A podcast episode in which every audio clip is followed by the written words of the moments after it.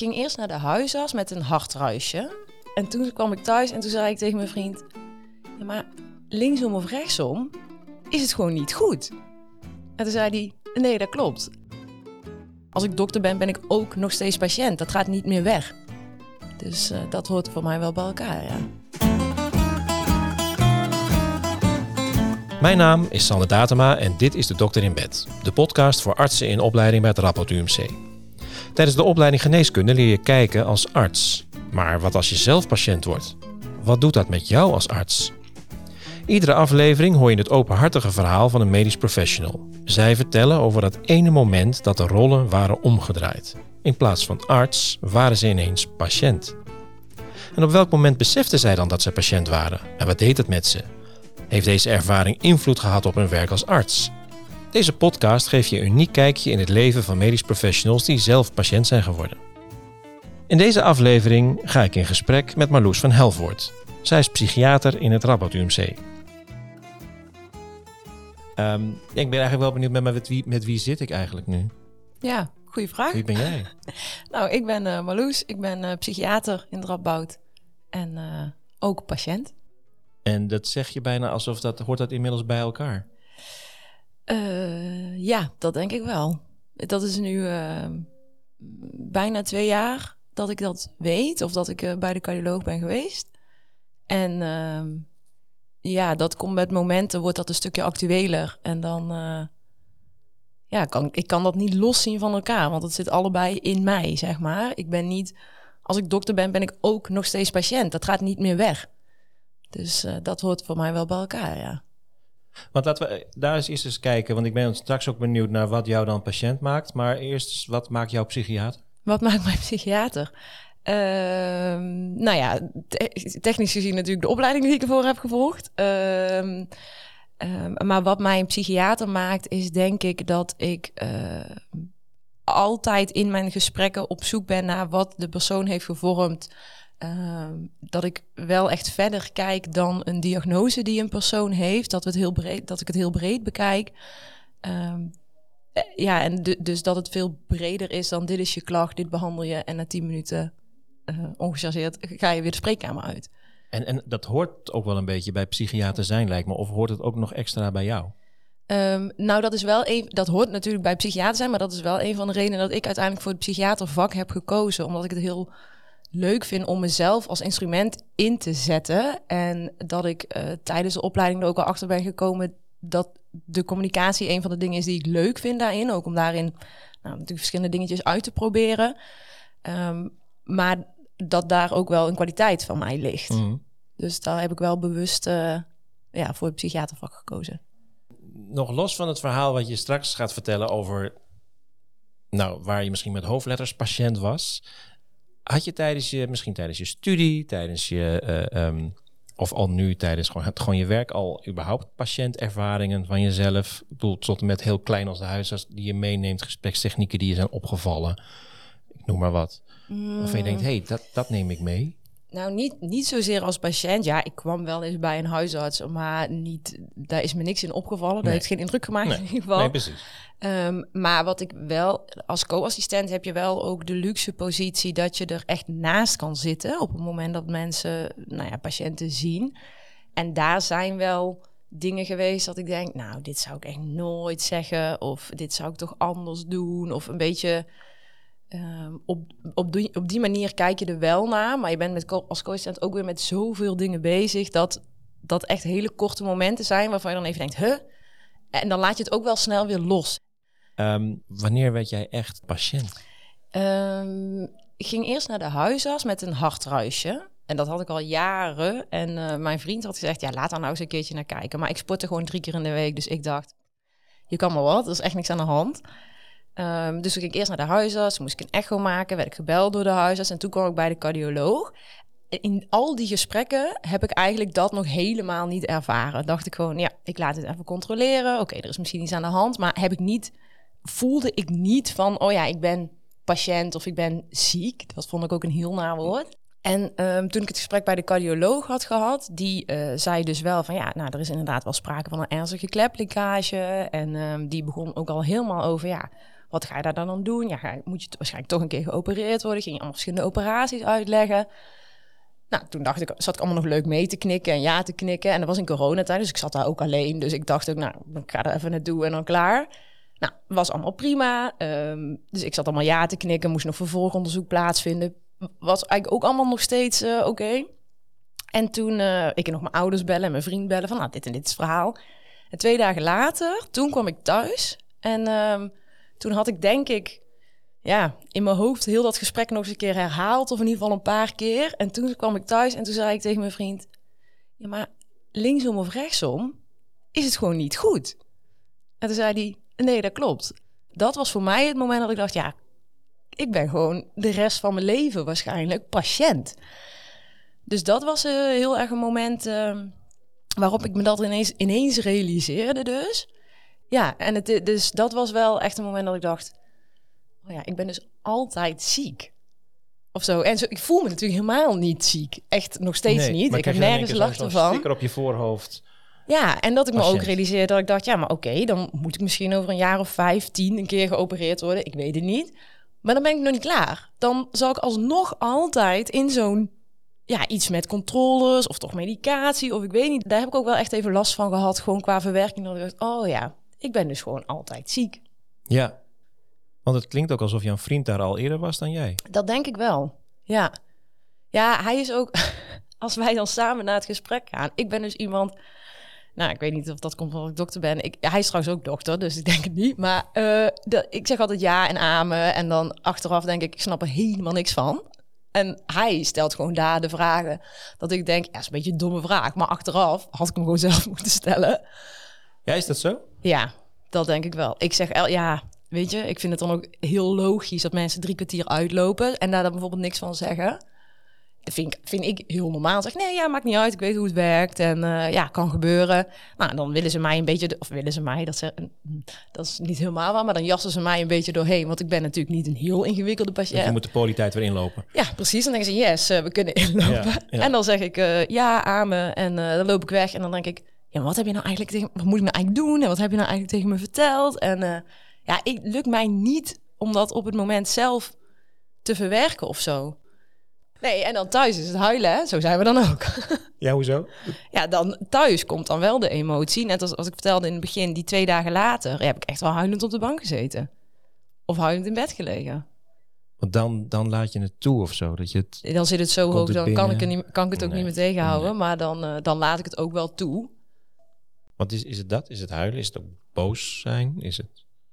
Het is, bij mij is vooral angst, denk ik. En dat uitzicht bij mij vaak door huilen.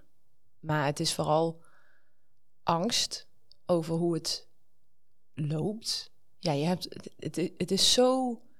Je hebt er totaal geen invloed op. En het heeft op zoveel keuzes in je leven invloed. Dat je staat ook niet meer... Ja, dat klinkt nou heel zwaar allemaal. Maar je staat ook niet meer zo heel makkelijk in het leven. Want wij hadden bijvoorbeeld ook het idee... Of dat hebben we ook gedaan, maar ik zou voor werk een half jaar naar Maastricht gaan. Daarna een keer. En dan ga je daar meteen, meteen ga je daar moeilijk over nadenken. Want ja, stel dat ik wel meteen acuut geopereerd word, dan lig ik er een half jaar uit. Ja, zit ik daar in een andere stad? Weet je wel, dat soort praktische zaken. Daar ga je meteen over nadenken. Of ja, wij hadden net samen een huis gekocht. Ja, krijg je zo'n overlijdensrisicoverzekering. Ja, dus je wordt er ook ineens op alle vlakken in je leven mee geconfronteerd. Het, het voelt een beetje alsof niks meer makkelijk is. Wat voor Mhm. patiënt ben jij dan verder nog? Ik denk wel dat ze snappen dat ik het serieus neem. Dat, dat wel. Maar ehm, ik ben denk ik wel een beetje bagatelliserend en luchtig. En Ja. eh, nou, het komt allemaal goed. Of eh, ik heb nog geen klachten, dus het is wel prima. Ja, dat wel. Ja. En ik vraag me dus wel af of, of artsen die mij dan nou, tien minuten, een kwartiertje zien, doorhebben dat daar ook wel nog een laag onder zit. En want die moeten zij eigenlijk wel aanboren, want jij zult hem niet vrijwillig Ik ga het niet doen. prijsgeven. Nee. nee. nee. Nou, misschien op de duur wel, maar nu, eh, ik heb het nog niet gedaan. Laat Nee. ik het zo zeggen. Nog nee. steeds nu ook niet. Nee. Uiteindelijk zal het denk ik wel nodig zijn. Ja. Ja. Want tuurlijk, tuurlijk doet het emotioneel iets met je, of mentaal, nou, hoe je het wil noemen. En tuurlijk biedt zo'n arts dan aan van, ja, goh, je mag best een keer met een psycholoog praten van hier van de afdeling. Dan denk ik, ja, ik ga een keer met een psycholoog praten. Ik ben zelf psychiater. Ja, doei. Dat wil je niet. Doei. Dat doet me wel denken aan dat er wel eens wordt gezegd... ja, artsen zijn hele slechte patiënten. ja, Geldt dat, gaat dat dan voor jou? Ja, dat is wel heel zwart-wit, maar gaat dat voor jou dan op? dat denk ik wel. Ja. Ik, ik doe wat ik moet doen. Eh, ik luister. Ik, eh, doe, ja, ik doe wat ik moet doen. Voorlopig hoeft me niet heel veel, maar... eh, Maar als er niet genoeg in geprikt wordt, ga je ook niks vrijgeven. Nee. Maar, maar nu ik zelf een beetje nadenk over wat ik allemaal aan het vertellen ben, denk ik dat ik dat op het lichamelijke somatische stuk heel goed kan. Ehm, terwijl voor dat emotionele stuk, daar kom ik veel lastiger bij. Misschien juist wel omdat ik in mijn vak daar heel veel mee bezig ben. Ehm, Maar, dat, maar scheid je dat dan? Zou je dat privé niet ook willen? Voor jezelf dan? om het privé bij, bij, bij, dat, bij dat gevoelstuk komen? Jawel, en dat lukt me privé, lukt dat. eh, Nou, er zijn, er zijn meerdere onderwerpen geweest waarbij ik dat lastig vond, maar de laatste jaren gaat dat privé heel goed. Alleen dit is zo complex qua. ehm, de, de, de, de, de- je bent een persoon, je bent een patiënt, je bent een arts. Dat is al heel complex.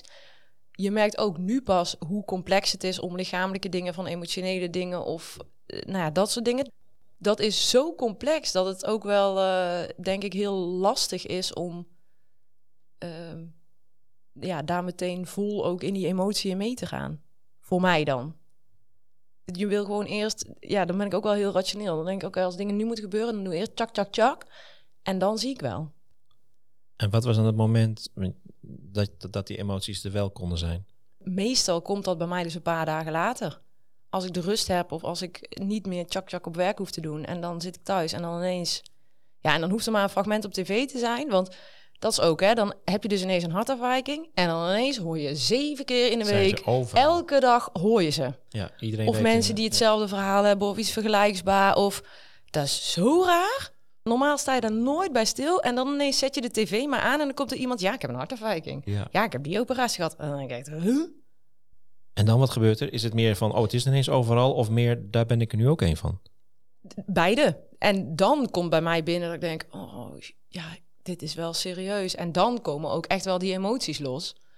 Ehm, en dat, dat vervaagt natuurlijk op een gegeven moment ook wel weer. Dan, weet je, het is niet dat ik eh, op elke straathoek als er iemand eh, vertelt of, moet huilen of zo. Maar ehm, In die zin is die ziekte die je hebt nu ook van jou? ik, ik wil hier eigenlijk heel graag nee op zeggen. Omdat ik het nog niet aan wil dat het zo is. Maar ehm, ja, het, het hoort nu wel bij mij. En het maakt me wel eh, op een bepaalde manier kwetsbaar. Wat ik nu ook wel accepteer dat dat zo is. Ja, dus het, het gaat langzaamaan... Nou ja, je zou liever niet willen dat het bij je hoort. Maar dat gaat beetje bij beetje... Als je ziek wordt of als je patiënt wordt, dat, is niet, dat heb je niet binnen een week geaccepteerd. Ja, misschien als je een been breekt of zo. Oh. Hè, en je weet dat het zes weken duurt en iedereen ziet het meteen aan je en dat. Maar patiënt worden gebeurt heel snel. Dat hoeft maar één iemand tegen je te zeggen. Maar patiënt zijn duurt heel lang. Want wat is het verschil? Ik denk dat een patiënt worden... Ja, als iemand tegen jou zegt, ja, jij bent patiënt of jij bent ziek... Dan ben, dan ben je patiënt geworden. Ja, er is gewoon iets stuk en dat staat in je dossier. Ja, je bent ziek. Ehm, je hebt überhaupt een ziekenhuisdossier, denk ik. Dat, je- weet je, je bent patiënt, dat is wat het is. Maar ehm, voordat je dat voelt en weet wat dat voor je betekent... en voor de rest van je leven in mijn geval betekent... dat duurt heel lang. En dat is denk ik het, het, het patiënt zijn, zeg maar. Ja. Als je patiënt bent en je hebt allemaal artsen om je heen en ook andere medisch professionals. ehm, je, kan wat van jezelf vinden over hoe je als arts bent. Ehm, je vindt ook vast wat van de artsen om je heen. Zijn Ja. jou dingen opgevallen? Ding- dingen die je als patiënt hebt ervaren en meeneemt naar jouw arts zijn, maar die je dus bij een ander zijn opgevallen? Ja. Ja, die zijn er zeker. Er zijn meerdere momenten geweest, denk ik, dat ik, dat je, dat ik vanuit patiëntrol echt denk, Hè, wat overkomt mij? Wat overkomt mij nou? Goed, En dat zit hem heel vaak in kleine ja, logistieke of praktische zaken. Ehm, maar ik heb wel meegemaakt, eh, ik loop nu bij verschillende artsen, dat, eh, dat ik echt na tien minuten buiten stond en dacht, jij hebt mijn dossier gewoon van tevoren niet gelezen. Want die, die, hè, dan werd er gewoon letterlijk gevraagd, ja, wat is de reden ja, dat je in Drapbouw bent of wat, dat je nu bij ons bent? En dan denk ik, ja, maar je, dat, dit is de hoofdreden die in mijn dossier staat. Ja, Ik bedoel, je hoeft echt niet al die details te weten, maar lees even mijn, ja, waarom ik in het überhaupt in een radboud kom, zeg ja maar. want hoe het, hoe, hoe het waar het ook vandaan komt, ze geven jou in elk geval de indruk, ik heb me niet in ik heb het niet gelezen. Ja. Ja.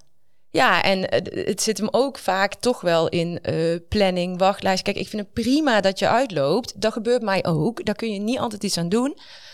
Ehm, maar al maak je maar de opmerking, goh, bedankt voor het wachten of vervelend dat het zo lang duurde.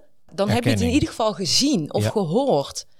Ehm, maar dan gewoon stu stug doorlopen en nog een beetje op tempo dat je denkt, oh, ik, ik hou je al bijna niet bij. Ehm, ja, dat is wel. eh, Ja, ik probeer ook altijd voortaan, ja, zegt hij, naast patiënten te lopen. In plaats van 10 meter ervoor. Hoe moet ik me dat voorstellen? Want, Nou ja, je, je haalt mensen op in een wachtkamer en dan ga je naar een spreekkamer. Ja, voorheen heb ik hier nooit over nagedacht. Maar ik heb dus wel eens dat, dat artsen 10 meter voor mij lopen. En die zijn daar hoek al om. En die zijn al bijna het kamertje in. En dat ik gewoon echt goed moet kijken welk Ja. kamertje moet ik eigenlijk zijn. ja, En nu probeer ik dus heel erg naast patiënten te lopen. Of in ieder geval op een tempo dat ik denk... ja, ik weet dat jij achter me loopt. Ik heb je gezien. En want daar gaat het om, Ja. hè, dat je gezien wordt. ja, ja. Is, is dat een beetje het meeste wat je eruit haalt? In hoeverre jij gezien wordt? Of vooral dat je een paar keer gewoon niet gezien wordt? we, we denken allemaal dat we onze patiënten zien en horen. Maar in de praktijk heb ik echt al wel voorbeelden gehad dat ik denk, ja, maar jij bent zo niet bezig met het feit dat hier een, ja, een mens ligt of zit of staat. Want heb je no- nog een voorbeeld? Als je binnenkomt in een kamer waar je net een onderzoek hebt gehad, vaak over een te- een technisch iets beginnen of over de beelden, hè, meteen de beelden erbij pakken. In plaats van je kunt ook zeggen, goedemorgen, oh, hoe, hoe is het eigenlijk met je? Ja, je bent hier als mens. Je bent hier als mens Ik zie en je. eh, ja, je zit, ik, ik zie je en hoe is het met je? Ja. Het is één vraag. Zeg je dan dat je dat daarvoor... Daar was je dus ook niet zo van bewust. Nee, en ik, ik, ik denk ook dat het heel lastig is om je daar bewust van te zijn. Want als dokter snap ik heel erg dat je dat doet. Want jij denkt ook, of ik denk ook, als iemand bij mij komt, die wil weten wat er is, hè, wat de uitslag is of zoiets. Ehm, alleen, en wat dat doet met een patiënt, dat, dat moet je denk ik echt voelen en ervaren. En vaak is dat ook pas achteraf dat je denkt, oké, maar waarom vond ik het gesprek met deze arts nou fijner dan met die arts? En dat zit hem denk ik in die dingen. En verandert het jou als arts?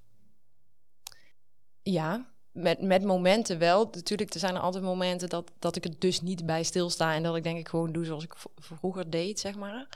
Maar ik probeer dus wel veel meer stil te staan bij wat een bepaalde diagnose of een bepaald iets betekent voor iemand. En ehm, ik sta ook veel meer stil bij het steunsysteem dat iemand heeft. Omdat ik toch wel merk dat ik heel veel heb gehad aan mijn partner hierin. Ehm, dus, dus dat heeft me wel veranderd qua arts. En wat het ook versterkt heeft, is dat je je pas echt beseft wat het is om patiënt te zijn. En ook wat je eigenlijk als arts vraagt van je patiënten. Wat ik nu bijvoorbeeld ook altijd doe, is dat ik als ik een, een, een- later in het gesprek, of, of een gesprek later, vraag altijd. Heb je het van vorige week nog thuis besproken? Bijvoorbeeld, hè, heb je het thuis nog besproken? Hebben jullie nog vragen? Of dat deed ik voorheen nooit, omdat ik er ook maar van uitging dat als iemand ja zei, dat hij ja bedoelde en het snapte. Ja. En blijkt dat dus ook... Nee, dat is natuurlijk bijna nooit. Nee. Dat, heb ik, dat doe ik wel echt anders. Maar heb je daar dit voor mee moeten maken? Daar heb ik dit voor mee moeten maken. Ja, Dat is wel een zware leerschool. hele zware, maar goed. Het, eh, ja, het is, het, is, het is gebeurd, ja. Dat, hoe, hoe, als je nu terugkijkt bijvoorbeeld naar je kooschappen. Had, dat daar, had, dat, had, je dat, had iemand je niet dat daarop een briefje kunnen geven? Vraag even, als je met iemand tegenover je zit, hoe dat thuis wordt opgevangen. Blijkbaar niet. Niemand heeft het gedaan. Dus ik heb het niet, zowel tijdens mijn kooschappen, maar ook nu in, de, in mijn opleiding tot psychiater, heeft niemand het gedaan. Nou ja, het, het klinkt. Wat jij hebt meegemaakt is niet simpel, maar wat het je als arts heeft opgeleverd, het klinkt bijna te simpel voor woorden. Ja, ja dat klopt. Maar je, het, gebeurt niet. Of ja, tenminste, ik heb het dus in die jaren niet gezien of gehoord van iemand van, goh, dat moet je even doen. En nu, zou, als jij, want je hebt natuurlijk ook als co-assistent over de vloer. Ja. Hoe ga je daar, vertel je het hen? Deel je dit? Uh, of haal je alleen de les eruit die je deelt? Uh, ik, ik, ik, deel dit niet. Het is, ook, het is ook niet dat ik het bewust niet deel, maar ja, het komt gewoon, ja, komt gewoon niet ter sprake vaak. Uh, maar ik deel die les als die voorbij komt, laat ik het zo zeggen. Want ja, wat ik zeg, ik zit nu dus op een kliniek. Dus dan is het weer net iets anders dan dat je iemand wekelijks terugziet op de polykliniek. Um, maar bepaalde lessen haal ik er wel uit en die probeer ik dan ook wel te delen op het moment dat het leermoment daar ook naar is. Want ze moeten, ja, ze leren zoveel en er zijn zoveel dingen waar je op aan kan grijpen. Maar dan, uh, ja, en ze zien het mij ook doen in gesprek. Dat is wel, uh, omdat ik het dus doe, uh, bepaalde vragen stel die ik eerder nooit zou stellen, dat zien ze wel. Ja. En want zou het, zou het bij jou anders zijn gegaan als jouw artsen ook die vragen hadden gesteld die jij nu ook stelt aan jouw patiënten? Als een arts een, later aan mij vraagt: Goh, heb jij het vorige gesprek begrepen? Dan zou ik op dat moment wel kunnen zeggen wat ik niet begrepen heb.